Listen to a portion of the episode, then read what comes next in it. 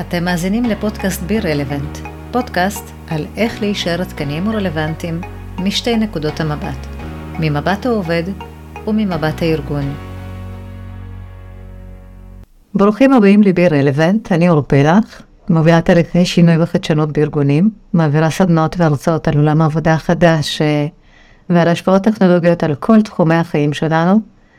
במיוחד היום שיש כל כך הרבה באז סביב הבינה מלאכותית וצ'אט GPT, ובנוסף גם uh, מלווה שכירים ובעלי עסקים להיות רלוונטיים בכל תפקיד ובכל ארגון. ואיתי היום אור דניאל, אור הוא ראש תחום למידה בהייטק, בעל פודקאסט רעב לידע, וכתב uh, גם ספר בנוסף שנקרא למידה אבולוציונית מיצורים ליוצרים. היי אור, מה שלומך?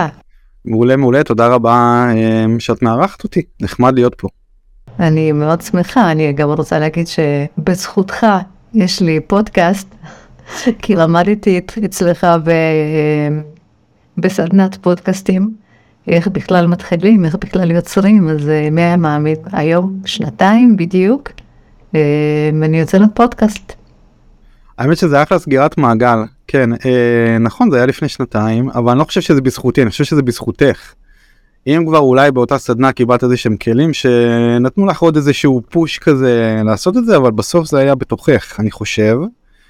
אה, וראיתי שאת מפרסמת הרבה ואת יוצרת תוכן, וזה חתיכת חוויה, אני מניח, נכון? זה כמו כן. שאמרתי, תיארתי את זה בעיקר עבור עצמנו, לא?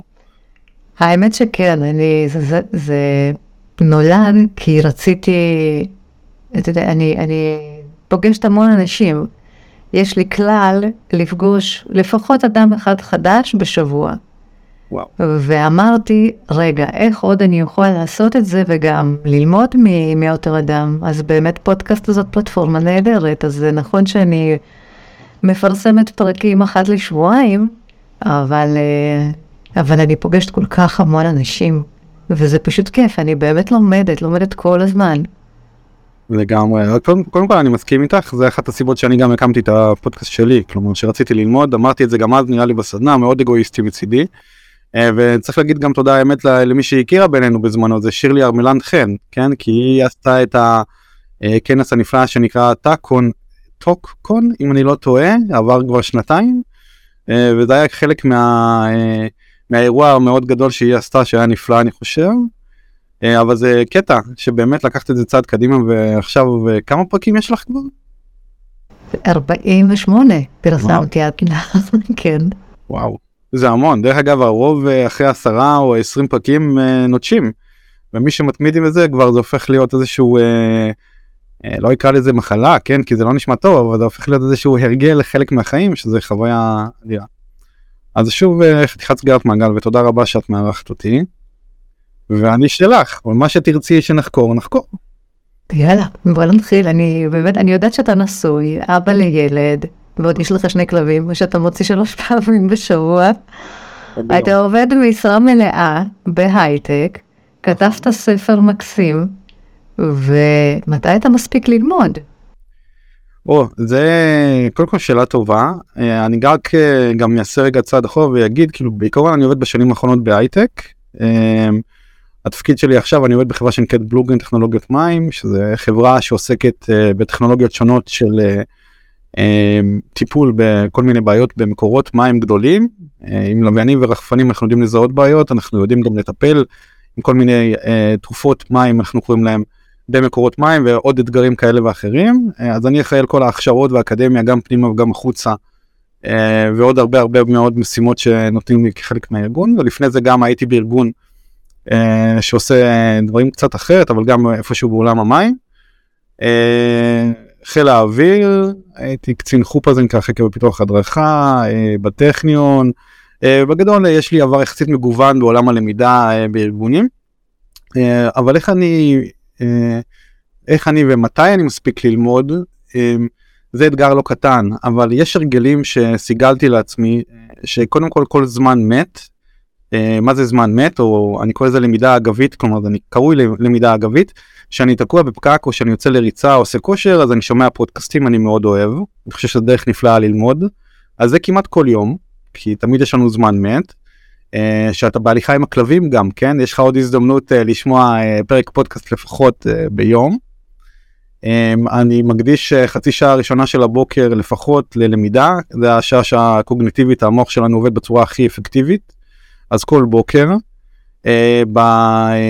ממש אני מוצא את הפתרונות ביום כי תמיד חסר לנו זמן, גם בהליכון שיש לי בבית למשל, יש באותה טלוויזיה מותקן אה, אפליקציה של MasterClass, רואה שם אה, קורסים באופן אה, קבוע. כלומר כל מקום נסיעה ברכבת אני קורא ספרים כלומר כל מקום שאני יכול אה, לדחוף אני עושה את זה ואולי הטיפ הכי טוב שלי של מתי אני לומד אה, הרגל שסיגלתי אותו לפני הרבה מאוד שנים יחסית אני חושב שכבר עוד מעט כמעט עשור אה, שזה לדעתי יחסית מאוחר כי התחלתי לקרוא יותר אה, המון ספרים בגיל יחסית מאוחר אבל כל ערב כמעט כל ערב אני לפעמים חוטא אני קורא אה, משני ספרים. ספר אחד שהוא ספר מקצועי אני קורא פרק ועוד אה, פרק מספר אה, לרוב מדע בדיוני כי אני מאוד אוהב או סיפורת אה, אני גם מאוד אוהב אה, אז אני קורא פרק פרק ואז אה, לרוב אני אה, הרבה פעמים אני גם נרדם על עצמי איפשהו אבל אה, אני מאוד אוהב לקרוא לפני השינה וההרגל הזה אני חושב שהוא העצים אותי בצורה משמעותית והוא נתן לי המון, כי לדעתי רוב הידע נמצא בספרים, ולא אה, ברשת בצורה כזו או אחרת, הוא גם נמצא כמובן, אבל אתה כבר ברשת כל הזמן אתה צריך לוודא מה נכון ומה לא נכון. ספר הוא עולם אחר, וכל מי שכתב ספר או שמכיר, קורא ספרים, הוא יודע שלכתוב ספר זה השקעה של שנים, ו... וכל מה שכתוב בו הוא, הוא משמעותי. אה, נראה לי שחפרתי קצת. לא, לא, למה? זה נורא מעניין. זה באמת מעניין. וואו, תקשיב לי, יש לך חתיכת הרגל. אני לא הצלחתי להכניס לי את ההרגל הזה. אמרתי, טוב, אני כל יום אקרא רק עשרה עמודים, רק עשרה. וראיתי שזה לא עובד לי. בסוף uh, התחלתי לקרוא בימי שבת בבוקר, וגם uh, פה לא ממש התמדתי. אחרי כמה חודשים פשוט איכשהו זה ככה, uh, לא יודעת, התפקשש לי, לא יודעת. פשוט, אתה יודע, זה כל כך הרבה דברים שאפשר ללמוד, והיום צ'אט GPT בכלל אה, לוקח לי המון המון זמן, כי אני יושבת כל יום, וכל יום אני לומדת עוד ועוד דברים. מה אפשר לעשות איתו זה פשוט עולם מלואו, אז אני, אני אומרת, אוקיי, אז זה במקום כרגע ספר, אבל אני כן קוראת לפעמים שלושה ספרים אה, במקביל שזה, אתה קראת לזה כאילו לא מחלה אלא הרגל, אני, אני, אני אומרת זה הרגל רע, אצלי. כי אני פשוט לא, לא מצליחה לסיים אותם, כי אתה יודע, זה, זה לקפוץ מאחד לשני זה קצת קשה, אז צריך באמת uh, למצוא את, ה, את האיזון הנכון גם, uh, מה יותר מתאים, וזה גם עניין של תקופות, אבל וואו, כאילו כל הכבוד לך שאתה... אני דווקא אתייחס, אני כן הייתי רוצה להתייחס לזה, אבל זה דווקא, אני מסתכל על ה... יש לי טריק, שאני מסתכל על האלטרנטיבות, ואני אומר לעצמי, אוקיי, חדשות, אני רואה חדשות, פה ושם, אני כבר מנסה להפחית כמה, ש... כמה שיותר, כי יש רפטיציה וזה גורם ל vibe לא טוב, אנרגיות רעות ולחצים, אבל אני אומר, בשעות הערב או גם בבוקר, אני אומר, מה האלטרנטיבה? לגלול אינסופי ברשתות החברתיות? פחות, כי אני עושה לזה איזשהו סטופ, יש דרך אגב באפשרויות ברשתות החברתיות, בעיקר בפייסבוק, אתה יכול לשים לעצמך טיימר. יש פיצ'ר כזה שאתה הולך לפייסבוק של עצמך ואתה אומר תתריע לי שהשתמשתי 20 דקות ביום או 30 דקות והוא מקפיץ ומבחינתי אני יותר לא נוגע. כלומר ברגע שהגעתי לזמן הזה ואז אני הגנב הזמן המרכזי אני מנטרל אותו. אה, ואז אני גם מגיע נגיד לשעות הערב של הספר אני אומר מה האלטרנטיבה די ראיתי את לב אמיץ 18 פעמים ראיתי את אה, הסרטים החדשים אה, סיימתי את, את הסדרה משחקי הכס מה אני מחזר מה אני סתם אגלול את עצמי למה שקורה אני אפתח איזשהו פרק חדש נחמד שיפתח לי את הראש. וברגע שאתה שם את עצמך רגע מול האלטרנטיבות אה, ביום יום שלנו כן אני אומר בשגרה לאו דווקא יש ימים שאתה יוצא יש ימים שאתה עושה בסדר לא כל יום אתה בהכרח בהרגל הזה אבל אתה אומר מה האלטרנטיבה ואתה מנטרל רגע את האלטרנטיבות האלה בראש שלך אז המצב שלך הרבה יותר טוב כי אנחנו לפעמים נקלעים לכוח האינרציה, אין לי כוח, אני פותח את הטלפון ואני מתחיל לגלול ופתאום הנה עבר שעתיים, אני לא יודע מה קרה. אה, וברגע שנטרלת את הגנב המרכזי הזה אתה בסדר, הגנב הבא אחריו זה הטלוויזיה, נטרלת אותו, אז אתה יכול אולי לפנות עצמך לדברים קצת יותר מעניינים. עכשיו אני יודע שיש אנשים נגיד שגם אמרו לי שהם שמעו שאני עושה את הדברים האלה, אמרו לי אני מגיע שרוף לשעות הערב, אני לא מצליח לקרוא כבר מרוב שקראתי במשרד, אני לא יכול. אז אני אומר, בגלל זה יש גם את ה-30 דקות בבוקר. ואז לפעמים, אה, בערב, אתה פשוט מקנה את עצמך לקריאה של כיף, כי כשאתה קורא משהו שהוא כיפי, לאו דווקא אתה נשרף במרכאות מוחית כמו אה, אה, שאתה קורא עכשיו איזה משהו שאתה צריך להתמקד בו בצורה משמעותית זה כמו לחוות סרט כי אם אתה קורא סיפורת אתה בעצם חי את הסרט בזמן שאתה קורא אותו. אה, ספר טוב כמובן בתקווה שהוא בעצם מצליח לגרום לך לתהליך הזה.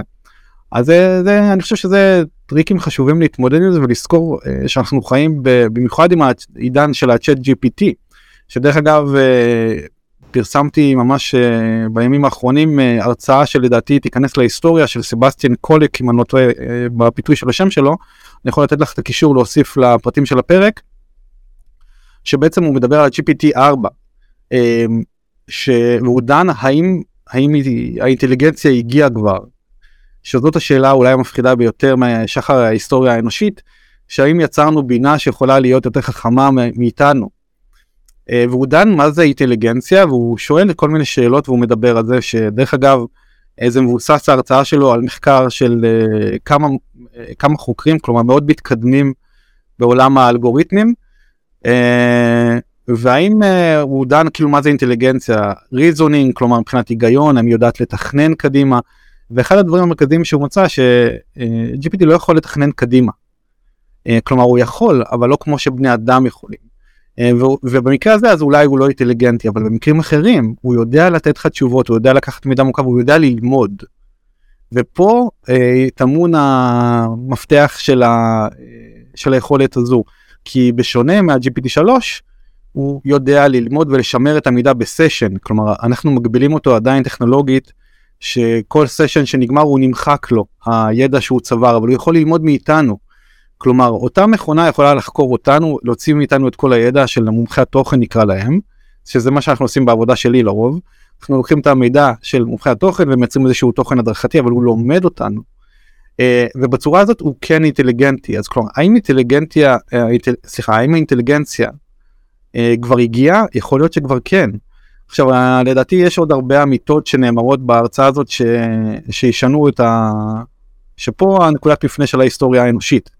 המהפכה הלא הרביעית וגם לא החמישית, אני חושב שהמהפכה שתגדיר מחדש את כל המהפכות זה המהפכה של הבינה המלאכותית. אמ, ודרך אגב למה אני גם אומר את זה? בתור אה, חובב מדע בדיוני אה, משוגע לחלוטין אה, אני מאוד אוהב את זה כי מי שקורא מדע בדיוני מבין כי אנשים שעם מוחות גדולים מאוד כבר דמיינו את, הטוב, את היצור הזה כן? חדש שיגיע לעולם יצור סינתטי אה, שישנה לגמרי את פני המציאות ואת הלוגיקה ואת הריזונינג שהוא יחשוב אה, היא מפחידה. כי אנחנו מבחינתו עוד חיה ביולוגית אה, נהיה קרוב לוודאי אה, ומתי שהוא אה, הוא יחליט עבורנו אולי הוא יחליט גם מה טוב בשבילנו לדעת או מה לא בתשובות שלו אי אפשר לדעת. Uh, וגם פה יש הרבה דרך אגב הרבה דברים שהוא אומר בהרצאה שבעיקר הם, האלגוריתם הזה לא צפוי כלומר אנחנו לא יודעים לחזות אה, מה מה הוא חושב מה הוא מגיב אה, אה, ולאן הוא יכול לפרוץ. אה, וכבר יש כל מיני תכסיסים דרך אגב אה, שה, אה, שכל מיני אה, חוקרים כאלה פרסמו שהוא מנסה לברוח הוא מנסה לגרום לאנשים אה, להעביר אותו ממקום סגור למקום פתוח ומתי שהוא יצליח. אה, האמת שכן שוב. אה, מי שמבין, מי שמקשיב יותר ויותר ככה לכל מיני תכנים שעוסקים בבינה מלאכותית, זה בהחלט מהפכה, ואני מאמינה שכן תהיה רגולציה, אבל בסופו של דבר כל סרט מדע בדיוני שאתה רואה, וזה מה שאני גם מספרת בהרצאות שלי, זה כבר לא מדע בדיוני, זה קיים. אה, כן, והיום אם כבר דיברנו על מדע בדיוני, דרך אגב, פתאום תוך כדי שאתה מספר את זה, אני אומרת, אתה יודע שחלמתי היום חלום, שהוא באמת מדע בדיוני לחלוטין. שעשו איזה מוטציה בין, לא יודעת, בין, אה, אה, הזריקו איזה חומר, אני אפילו לא זוכרת לאיזה חיה, וזה עבר לנמלים, ואם נמלה עוקצת אז זה בכלל אה, קורה אסון. אז כן, זה, זה בהחלט אה, הולך ומתפתח. ו... מה שאת אומרת זה גם מעניין כי כשאנחנו מסתכלים על הטכנולוגיה אה, המומחיות שלי זה טכנולוגיות למידה דרך אגב התואר השני שלי בזה. ואנחנו משתמשים בטכנולוגיה כדי להעצים את היכולות שלנו כלומר את הכישורים את המיומנויות שלנו אנחנו משתמשים בטכנולוגיה. אה, כדי לבצע משימות התיאור הכי טוב הוא מנוף כן בן אדם לא יכול להרים אה, נגיד מסעות מאוד מאוד גדולים ללא מנוף. ואנחנו משתמשים בזה והנה פתאום אתה סופרמן אתה מרים מאות טונות. אותו דבר בכלים טכנולוגיים אה, לביצוע של משימות כאלה ואחרות. אה, ומה שאת תיארת עכשיו דרך אגב גם קורה גנטיקה הגנטיקה שינוי הגנטי RNA וכו' וכו' שינוי גנים הוא כבר הפך להיות גם בצורה מאוד מתקדמת אני כתבתי על זה דרך אגב בספר שלי שזה אחד מהדברים שגם מחוללי מהפכות נקרא להם שזה שווה ערך לבינה המלכותית מבחינת המהפכה רק שאף אחד לא מדבר עליה. אה, וכמה דוגמאות מעניינות גם לגבי את אמרת על נמלה שחלמת עליה זה לא רחוק מהמציאות. דרפה כן סוכנות האמריקאית בסוכנות ההגנה האמריקאית כן המשוואה של שלנו של משרד הביטחון פה בישראל אה, משקיע המון בטכנולוגיה הזאתי אבל באחד הניסויים עשו אה, דבר שנקרא מכחיד זנים. מה זאת אומרת הם לקחו זן של יתוש ושינו את הגנים שלו שהתרבו ובאיזשהו דור הוא לא יכול להמשיך להתרבות ובכך הוא יפסיק להתקיים. אה, או שהם לקחו אה, גם בניסוי אחר אה, ארנב והפכו אותו לזוהר בחושך. בסין יש ניסוי שהצליח והביאו ילד משלושה הורים שונים. כלומר זה לא רחוק כבר מהחיות לבני אדם זה קורה במעבדות חשוכות שם אי שם אי אפשר לדעת. אבל מה זה אומר זה אומר שכבר זיהינו לדעת מה, מה איזה גן הוא מה הגנים השונים כלומר אם שינו אה, ארנב זוהר בחושך זה אומר שאני יודע לזהות אה, כל מיני גנים לשלב מיצור אחר שיודע לזהור בחושך לתוך יצור אחר לשלב את היכולות האלה. אז זה לא רחוק מהיום שבו נגיד יהיו סוגים של בני אדם ואני אגיד אני רוצה אדם שהוא יהיה עמיד אה, בחלל החיצון או אדם שלא צריך לנשום או אדם שעם יכולת קוגניטיבית מוגברת או אה, אדם אה, מאוד מאוד חזק שיודע לבצע פעולות מסוימות וככה יצרו גם סוג של מינים כאלה, אדם שיודע לתקשר באופן מעל חושי, כן, כל מיני כאלה דוגמאות. והמחקר לא רחוק משם, כלומר, אה, ומתישהו זה יהיה פרוץ. עכשיו, הבינה המלאכותית מדברים עליה כי בכותרות ויצא גם ביישומים מסחריים, אה, שדרך אגב גם יש יישומים מסחריים לגנטיקה הזו, כלומר אנחנו רואים את זה בחיסונים, כל מיני דברים שאמורים לשנות את הצורה שבה הגוף שלנו עובד, שדרך אגב יש פה בשורה גם לאנשים שחולים במחלות מאוד מאוד קשות.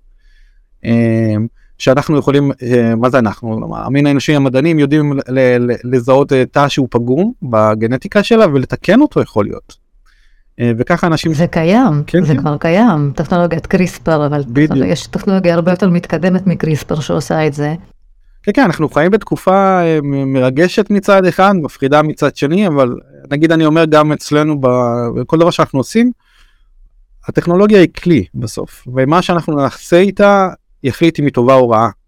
אה, איינשטיין אמר את זה הכי טוב, כן? איינשטיין אה, המציא את, אה, את האטום, כלומר הוא המציא את זה בשביל שיהיה אנרגיה אינסופית, ובסופו של דבר גם פצצה, השתמשו לאותו דבר. אחד ההמצאות שהוא הכי מצטער עליהם, אחד הגילויים שהוא הכי מצטער עליהם זה זה. אבל בסוף, כי המין האנושי לקח את זה ליישומים צבאיים, כמו כל דבר שאנחנו לוקחים אליהם, לרוב קודם כל ליישומים צבאיים, ולאחר מכן ליישומים, דרך אגב, אם מסתכלים בהיסטוריה האנושית, הסיבה שלנו לחדשנות ולחקר ולפיתוח הוא בעיקר אה, צבא, בעיקר מלחמות הם אלו שגרמו לגילויים המרחיקי לכת. הפרק שלנו הפך להיות לפרק של איך המדע בדיוני הופך למציאות. יכול להיות. דיברת, כן. דיברת על הגן הזה של, אה, אה, הרי נכון, מצאו כל מיני גנים, ובמיוחד בחרקים שמנסים ככה גם להעביר אותם, אם זה לחיות ואם זה לבני אדם, אז יש כבר אנשים שלקחו את הגן הזה של ה... אה, שהוא זוהר בחושך, כי הם רוצים שכל מיני איברים שלהם יתחילו לזעור, אבל זה, זה באמת מצחיק, כי ביחד עם זאת זה באמת, אה, אה, לא יודעת, מסקרן, אולי יהיו אנשים שיגידו זה נורא מפחיד וזה לא אנושי, אבל זה כן, אבל קיים. אני חייב להגיד, אבל מה שאת אמרת, את אמרת, המדע בדיוני הוא כבר לא בדיוני, וזה נכון, אני אומר את זה כבר גם המון שנים. אה, ז'ול ורן, כן, דמיין צוללות וטילים, ומבחינתנו זה obvious, זה ברור מאליו. אה, אבל הפרק הזה את יודעת שרציתי לדבר על אה, שינויים וקצב העולם המשתנה אלו השינויים אלו הסכנות או האתגרים או ההזדמנויות אי אפשר לדעת תלוי מה מה זה עבורכם אבל אנחנו נמצאים בעולם שהמהפכות אה, מאוד מאוד מאוד גדולות והן קורות עכשיו ואיך אמורים להתמודד בקצב של ללמוד ואיך אמורים להתפתח בתוך זה. וקודם כל צריך להכיר אותם אז אולי דיברנו ונגענו עליהם ועכשיו אפשר אולי לדבר מה אפשר לעשות עם כל הבלאגן הזה. אבל בוא קודם שנייה, אני רוצה לשאול אותך באמת, בעולם שיש כל כך המון טכנולוגיות, אני, אני רואה את עצמי, כן, כל פעם חוקרת עוד אה, כלי AI כזה או אחר, ו, ויש כל כך המון דברים חדשים, אז איך ללמוד באמת בעולם כל כך ממהר? כי, כי אז יש סוג של פומו, אוקיי? שאנחנו פוחדים מצד אחד לפספס משהו, ואז אנחנו מוצאים את עצמנו במין מעגל כזה אינסופי, שאנחנו רוצים הכל, וגם וגם וגם וגם את זה ללמוד, וגם עוד משהו ועוד. ובסופו של דבר, לא יודעת, איפשהו אנחנו אולי קצת מאבדים את עצמנו. אה, אז איך באמת ללמוד בעולם שכל יום, ברגע שאני עכשיו מקליטה איתך את הפרק הזה, כבר נולדו כמה כלים חדשים, כמה אפליקציות חדשות. אז עד שאתה לומד משהו כבר בעוד, לא יודעת, שבועיים, שלושה, יכול להיות שהוא כבר פחות רלוונטי, כי נולד איזשהו כלי חדש שעושה פלאים. אז איך ללמוד בעולם שכל הזמן טס קדימה? זו קודם כל זו שאלה ממש טובה, אני חושב. Uh, אני לא חושב שיש לה תשובה אחת uh, מדויקת ואני חושב שזה מאוד משתנה מבין, מבין אדם לבן אדם ובצורות שהוא uh, בדרכים ובהרגלים שלו uh, אבל בסוף uh, קודם כל אני, אני אגיד אני חושב לא צריך ללמוד הכל. אה, ונגיד אה, אני בספר שלי כתבתי על תפיסה יישומית למידה אבולוציונית אה, ובתפיסה הזו אני אומר שבשלב הראשון קודם כל להבין מה המוטיבציה מה המוטיבציה הפנימית שלי ללמוד ומה אני עושה את מה שאני עושה וככה אני אדע להחליט קודם כל מה ללמוד. מה זה אומר? זה אומר ש... אה, אני לא לומד כל דבר כלומר כי זה לא ייגמר אז אני יכול להחליט uh, על שניים שלושה אפיקים לעשות לעצמי סדר בראש ולהגיד אני רוצה ללמוד למשל שהבן שלי נולד uh, מה זה ילד איך אני מגדל ילד אז אני לומד יותר על התחום הזה בצורות אחרות בפודקאסטים כן של הילה קורח חלרות וזה עם השותפה שלה או כל מיני דברים כאלה עם האמא זה נראה לי נקרא או כל מיני דברים אחרים ולקרוא uh, ספר ואז הבנו שהוא ילד רגיש אז לקרוא ספר, ספרים על ילד רגיש. אז אז כל מיני אה, דברים כאלה אז נגיד זה כיוון אחד אה, אז מה המוטיבציה פה הייתה בעצם שאני רוצה להבין יותר טוב איך להיות אבא אה, אז זו, זו הייתה המטרה מה שאני אומר אני קודם כל מבין מה המוטיבציה והמטרות שלי ללמידה של משהו מסוים לפני שאני מתחיל ללמוד אותו. אז אני חוקר גם בתהליך הראשון אני חוקר מה ללמוד בכלל וממי ללמוד ומה מתאים לי יותר ושם אני הולך. אה, ואז אחרי שאני למדתי בצורות כאלה ואחרות אני מיישם את זה על החיים שלי. אה, ודוגמה מאוד אה, מובהקת אם כבר התחלתי עם ילדים רגישים אז נגיד דוגמה מאוד מובהקת שהבנתי באיזשהו ספר מה הגישה הנכונה לנהל עימות או לנהל איזושהי התנגדות עם הילד ולאו דווקא ראש בראש ואיזה מילים להשתמש.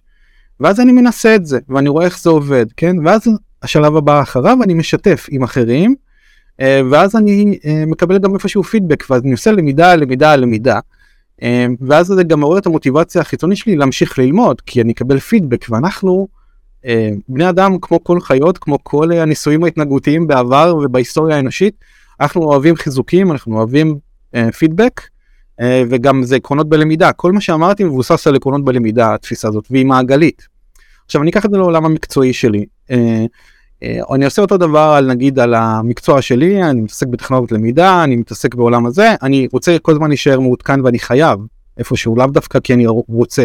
כדי להיות רלוונטי בשוק העבודה אני חייב כל הזמן להתקדם אז אני עושה אותו דבר אני חוקר מה הכי חשוב לי ללמוד ואיך אני עושה את זה אני מפרק את מרכיבי התפקיד שלי אני מפרק את הטכנולוגיה האם היא משתנה ומה משתנה בה שהכלים שאני משתמש בהם אה, אני מפרק את המיומנויות והכישורים שאני צריך לביצוע תפקידי והאם משהו השתנה גם פה בהגדרות התפקיד שאני צריך לעשות. ואז אני חוקר איפה ללמוד אותם, ממי, מה, מי המומחים המובילים באותו, אה, באותו עניין.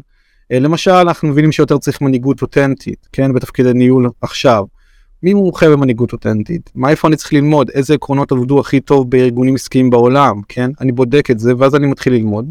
אני עושה את אותו מודל, את אותו תפיסה, סליחה. אני מיישם את מה שלמדתי, אחרי שלמדתי, אני משתף עם קולגות ומקבל פידבק, אה, וגם ככה אני בעצם אה, לא רק עושה את כל הלמידה לעצמי, את הפיתוח, אני גם יוצר לעצמי אה, פרסונה דיגיטלית מאוד חזקה של מומחה בתחום. עכשיו, לאו דווקא מומחה, אלא בן אדם שפשוט לומד, מתנשא וחי את הניסיון שלו קצת יותר בצורה פומבית, נקרא לזה. ובסופו של דבר שאתה משתף ידע וניסיון אז אתה ממצב את עצמך כמומחה גם אם אתה רוצה וגם אם לא. אה, כי הרי מה ההבדל בין אה, מתחיל למומחה, כן, זה אלפי השעות כביכול שאתה אה, אומרים, כך לפחות, אבל בסוף ההבדל הוא, מומחה יודע לפתור בדקה מה שמתחיל ייקח לו המון זמן, כן, או שהוא ידע לזהות את הבעיה, יהיה לו חשיבה ברמה גבוהה. והדרך לפתח את זה זה פשוט להתעסק ולתרגל ולטעות ולחוות. שדרך אגב מאוד חשוב להגיד גם שבכל התפיסה הזו מאוד חשוב האפשרות לתת לעצמך לטעות. אה, ומאוד חשוב גם העניין של השיתוף, למה? כי יכול להיות שהבנת משהו שהוא לא נכון אה, ולא מדויק ואתה תקבל פידבק. אה, ובפידבק הזה יתקנו אותך, אז צריך לקחת את הפידבק הזה לא שלילי. כי נגיד אני מאוד אוהב שעולים לי על טעויות או אה, מזהים משהו שאני פרסמתי ושולחים לי אור זה לא מדויק, בוא תקרא את המחקר הזה. והמון מהמחקרים שנחשפתי להם היו בצורה הזו, אה, ולמה? כי אנחנו לומדים מאוד טוב מאחרים ואנחנו לא יכולים לדעת אם מה שאנחנו חושבים הוא נכון או מדויק עד שאנחנו משתפים אותו, כי הוא בתוך אה, חלל סגור, בתוך המוח שלנו. אה, אז זה דרך שאני ממליץ, ממליץ וגם כתבתי על זה, לעשות, לאמץ עצמנו, אני חושב שזה גם מאוד, גם אפילו במה שאמרתי, בתוך זה יש תתי סעיפים של איך לעשות את זה נכון ו... מה, הדרכים באמת להיות רלוונטי בשוק העבודה. אה, ושימו לב שאני אמרתי גם שאני חוקר תמיד מה ללמוד, אני חוקר את הטכנולוגיה הראשונה. למה? כי הטכנולוגיה משנה מאוד מהר את האופי של העבודה. אה, כי אם בעבר, אה, סתם דוגמה הכי מופשטת, היינו עושים סרטון הדרכה בחברה והיינו צריכים לעשות כתוביות, כן, ולשלוח, ועולה לנו המון כסף וכדומה. אז היום מעלים אותה לפלטפורמה, היא עושה לנו את זה בשנייה, עושים על איזה רוויזיה קצרה של תיקונים, והופה, חסכנו כמה אלפי שקלים או עשרות אלפי שקלים סך הכל בשנה. אה, והטכנולוגיה בעצם נותנת לנו אה, אה, רווחיות, אנחנו יודעים לקצץ עלויות ולהשתמש בה גם לעוד הרבה דברים, זה סתם דוגמה קטנה מאוד מופשטת אבל מאוד רלוונטית. תשמע, אמרת פה הרבה דברים, אני, אני רוצה להגיד שזה mindset. אתה פיתחת לך mindset שונה, אחר, כי דיברת פה על משהו שהרבה מאוד אנשים נורא נרתעים מזה, דיברת על אפשרות לטעות. כי בכל מקום, גם זה מתחיל מהבית וזה ממשיך בבית, בבתי הספר, כל טעות שאתה עושה, אז אה, מראים לך כ... כ... נו נו נו, הנה טעית, הנה אתה לא בסדר, הנה לא הצלחת, אתה מבין? אז... אה, אם אתה אומר שאתה אוהב שמתקנים אותך, אבל זהו, אני... אני... חכה שנייה, אני אומרת, תשמע, אני צריכה לאמץ לעצמי את ה mindset הזה, כי אם טעיתי ומישהו מראה לי את הטעות, אני אומרת, וואי, ואני מתחילה לאכול את עצמי, באמת. כמה טעיתי, איזה שטות, ואיך בכלל אה, לא, לא קראתי עד הסוף, או לא משנה מה. זה באמת שינוי mindset, ותשמע, אני, אני אומרת, מכל אחד אני לומדת משהו, אני הולכת לאמץ לעצמי ש... וואלה, זה בסדר לטעות, אנחנו אנושיים, וזה... ו- ו- ולא יקרה שום דבר, בוא, לא תהיה מחר מלחמה מזה שטעינו, או שאמרנו משהו לא נכון. זה בהחלט ככה, וזה מדהים. אז אני מאוד אוהבת את, את, מה, ש- את מה שאמרת כרגע. אני, אני רק אתייחס גם למה שאמרת ברשותך, uh, שני דברים חשובים שגם ממה שאת אמרת, uh, שזה אחד החסמים של אנשים להתפתח ולגדול זה הפחד של מה יגידו לי האם טעיתי או לא ואוקיי ונגיד ופרסמתי משהו וטעיתי בו מה יקרה? היום העולם ימשיך כמנהגו הכל בסדר זה מה שאני אומר לעצמי גם ואני אומר לעצמי נגיד פרסמתי משהו אוקיי ויש לי יחסית קהל גדול וכאילו באמת uh, מקבל לפעמים פה ולשם תגובות מטורפות uh, ואני אומר לעצמי מה יכול לקרות? העולם ימשיך הכל בסדר. אז נגיד פרסמתי משהו וטעיתי אני אומר לעצמי יואו נפלא. אני ישר מדבר עם הבן אדם מה אני לא יודע פה? כלומר בוא תספר לי מה מאיפה אתה אומר את, את מה שאמרת אני רוצה לקרוא בעצמי אני רוצה רגע להבין איפה הטעות הייתה ואז אני אשאל אותו עוד הרבה שאלות. ופה אני חושב שזה גם uh, מביא למה שאת אמרת לגבי האפשרות לטעות ומלמדים אותנו בבית הספר על שעות של מה ההרגשה של לטעות וזה לא נעים כי אתה כל הזמן מקבל חיווי על התשובות ולא על השאלות. אז uh, אחד השינוי המהותיים שנגיד גם אני עשיתי אני חושב שלעצמי איפשהו גם מקווה שבמשפחה שלי שזה לא משנה אם אתה טועה או לא זה לא משנה אם צדקת או לא. מה שמשנה האם שאלת את השאלה הנכונה. ופה אנחנו צריכים ללמד איך לשאול שאלות ולאו דווקא איך לענות עליהן. אה, כי אם אתה שואל את השאלה הנכונה זה מראה הרבה מאוד על מה אתה אה, יודע ומה הכיוון של החשיבה שלך עוד לפני שהגעת לתשובה. אה, ברגע שאתה שואל שאלות נכונות זה בעצם גם דרך אגב מבחינת מיומנויות זאת המיומנות הכי הכי קשה בחשיבה מאוד מאוד גבוהה. לדעת לשאול את השאלות הנכונות בזמן הנכון היא קריטית. ו, אה, ובגלל זה נגיד כולנו אוהבים את שרלוק הולמס או כל מיני אה, דמויות בהיסטוריה האנושית שידעו לשאול את השאלות הנכונות. וזה אתגר מאוד גדול. אה, ואני חייב להגיד שגם אני לפעמים חוטא בזה כלומר כי אני לפעמים לא יודע לשאול את השאלות הנכונות וזה מה שמאתגר אותי. אני מזדהה איתך כי באמת זאת אחת המיומנויות סופר חשובות תסתכל אפילו היום בעבודה עם כלים טכנולוגיים כמו צ'אט GPT אתה באמת צריך לדעת לשאול שאלות. הרבה פעמים אנשים באים ואומרים לי, תקשיבי, אור, אני ניסיתי וזה, זה סתם, הכלי הזה סתם נותן תשובות כאלה בסיסיות. ולא באמת יודע לתת את התשובות המעמיקות. ואני באה ואני אומרת, הבעיה היא בשאלה. איך שאלת את השאלה או איך שאלת את השאלה הזאת, כי ככל שתדייקו את השאלות, ככל שתדעו לשאול נכון, כך תקבלו תשובות הרבה יותר איכותיות. וראיתי את זה תוך כדי גם למידה, אבל כן, בזמן אמת, שאתה רוצה לשאול משהו, זאת באמת מיומנות שצריך לפתח כל הזמן. אתה בספר כתבת באפשרות כל אדם לרכוש ולשפר ידע, כישורים ומיומנויות חדשות. כל שנדרש הוא רצון, זמן, מוטיבציה ותחושת מסוגלות. אז אה, אה, מעניין אותי דווקא להתייחס לרצון. כשאירחתי את אה, אור רז על אה, הרגלים, הוא אמר, זה לא עניין של רצון, זה עניין של הרגל. כאילו, אנחנו צריכים באמת לשנות את הסביבה ולשנות אה, הרגלים הרעים נקרא להם, אוקיי? הרגלים שלא משרתים אותנו, ולאמץ הרגלים טובים. וזהו, אני, אני אשמח שתתייחס לזה, אה. איך באמת מגייסים רצון, זמן, מוטיבציה, תחושת מסוגלות, כדי להפוך למידה ללמידה לאורך החיים, כי כולנו היום מדברים שאין מה לעשות, כמו שאתה אומר, לפעמים יש דברים שאני מבין שאני חייב ללמוד, לא כי אני מאוד מאוד רוצה, אלא באמת כדי להישאר רלוונטיים, אין מה לעשות, אנחנו חייבים ללמוד. אמ, קודם כל אני לא חולק על מה שאור אמר, כן, לשנות את הסביבה זה מאוד יעזור, כי אה, ברגע שאתה משנה את הסביבה אתה לא יוצא לך אפשרויות בחירה בכלל. אתה פשוט מבצע אה, על אוטומט, אבל אה, הרצון, מוטיבציה ומה שאני ציינתי, זה קודם כל הבחירה. הרצון מדבר על הבחירה שאני החלטתי שאני הולך להיות uh, סתם כמו אני אמשיך עם הדוגמאות שאמרתי מקודם uh, אני הולך להיות אבא טוב.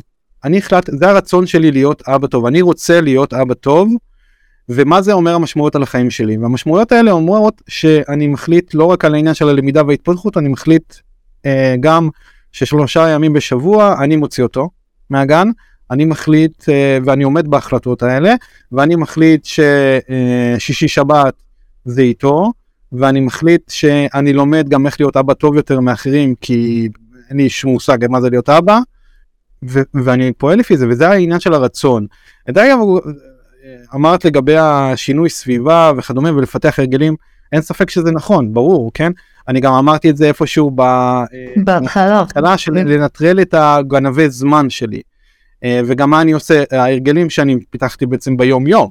אין ספק זה לא זה לא מתנגש כלומר אין פה התנגשות אני רואה אה, אה, אבל אני כן חושב שקודם כל כמו כל דבר בחיים זה עניין של החלטה. ולהתמיד בהחלטה זה האתגר האמיתי. כלומר הרצון הוא דווקא קל. אני החלטתי שאני רוצה לרדת במשקל זה מה שכולם אומרים נכון זו דוגמה מאוד נפוצה. ואז האתגר הבא הוא איך אני עושה את זה אז בגלל זה יש את כל הממדים האחרים גם. Uh, וכחלק מזה אנחנו צריכים uh, לקבל החלטות ב- ביום שלי איך היום שלי נראה. אני יודע שאני יוצא לריצה כמעט כל יום. מוקדש לזה שעה. מתי זה יקרה בבוקר או בערב אבל אני לא מחליט על זה כבר יותר אני קיבלתי כבר את ההחלטה הזאת בעבר אני יודע שזאת עובדה. כלומר שמגיע או שעה של חמש בבוקר או השעה של תשע בערב במקרה ולא עשיתי בחמש בבוקר אני שם את הנעליים ואני יוצא אני לא אה, מאפשר לעצמי בחירה אחרת. אני לא אומר לעצמי לא בא לי לא זה זה עניין את אמרת את זה עניין של mindset. אה, קשה לי עם המילה של mindset אבל אה, זה פשוט עניין של החלטה. אה, וברגע שאתה מחליט אתה חייב לעמוד במה שאמרת אה, ולפעמים זה לא קל ולפעמים אתה מוותר לעצמך אבל זה בסדר אם ויתרת על עצמך פעם או פעמיים. אתה פשוט צריך ש-70% מהזמן אתה תעמוד במה שהבטחת. כי אם רק תעמוד 70% מהזמן במה שאמרת אתה עדיין תהיה חטוב או שאתה עדיין תהיה תפתח את עצמך יותר. יש איזשהו אה, אינפוגרפיקה כזאת שרצה ברשת של אה, שינוי של אם אתה עושה 0 ביום אז אין שום שינוי, אבל אם אתה עושה 0.001 זה יוצא 30 ומשהו, כן? בזה. אז זה מראה כמה אפילו שינוי הקטן ביותר בכל יום, זה עניין של ההתמדה. והתמדה הוא משהו שמאוד קשה בעולם הזה, כי אנחנו רגילים שהכל בר חלוף, אנחנו רגילים שיש אחוז גירושים גבוה למה להתמיד בנישואים, אנחנו רגילים שאם משהו לא מצליח לנו נוותר עליו ונמשיך לדבר הבא. ונגיד גם ששאלו אותי במקומות אחרים, אה, אז למה ללמוד את כל הקורס? או למה לקרוא את כל הספר? בוא נעצור ונמשיך לדבר הבא. לקחנו את מה שרצינו ממנו. ולפעמים זה מה שצריך. אז אני אומר לא. אני לא חושב שזה נכון דווקא למרות שהרוב החוקרים אומרים שזה נכון אני חושב שזה נכון למה?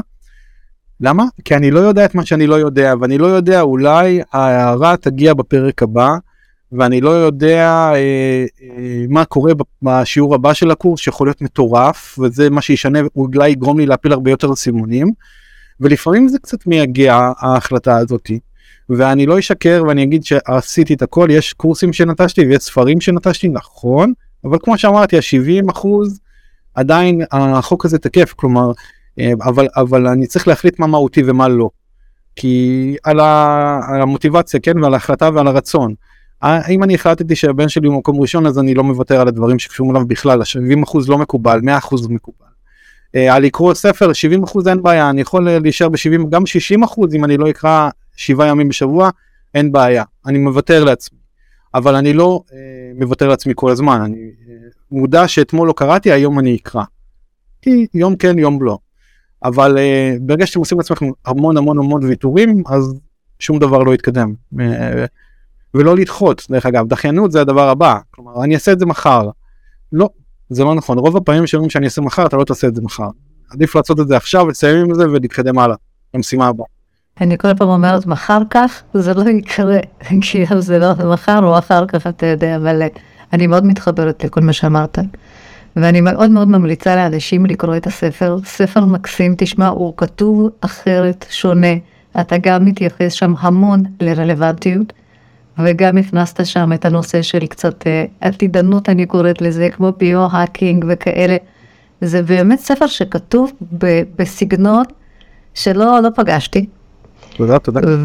ומקסים, באמת אני מאוד ממליצה. אה, אני אשים גם קישור. תודה, פניה. ויש עוד משהו שלא שאלתי והיית רוצה להוסיף? אה, דרך אגב, זאת שאלה טובה, אני גם אומר אותה בפודקאסט שלי אה, שאני מסיים בדרך כלל. אני חושב שאנחנו חיים בתקופה מאוד מרגשת, אבל אני חושב שאנשים צריכים להבין ולהיות מעודכנים במה שקורה במיוחד במקצוע שלהם, ולחקור ולקרוא. אני אתן דוגמה, עורכי דין, כן? יש כבר המון פלטפורמות מעולות של כתיבת חוזים המון המון מהמשימות היומיומיות שעורך דין אה, מתעסק איתם, עורכי דין שונים. אה, התחזית שהרובוטים יחליפו את האנשים היא נכונה, היא נכונה במידה שכלומר הרבה מהמקצועות יוחלפו, אבל יהיו המון מקצועות חדשים ועדיין אין חשיבה מסדר גבוה. עדיין יצטרכו בני אדם, יצטרכו יצירתיות, מכונות לא יודעות ולתכנון. כלומר יש עדיין מיומנויות שלא יודעים אז לזהות מהמיומנויות בתפקידים שלכם ולפתח אותם מצד אחד ומצד שני גם להכיר את הטכנולוגיה להשתמש בה. כי נגיד ג'ט GPT אה, אני משתמש בו לקצר כל מיני תהליכים לפעמים. כלומר אני מקצר את הזמן שלי ממשימה שהייתה לוקחת לי שלוש שעות אז לוקחת לי שעה וחצי.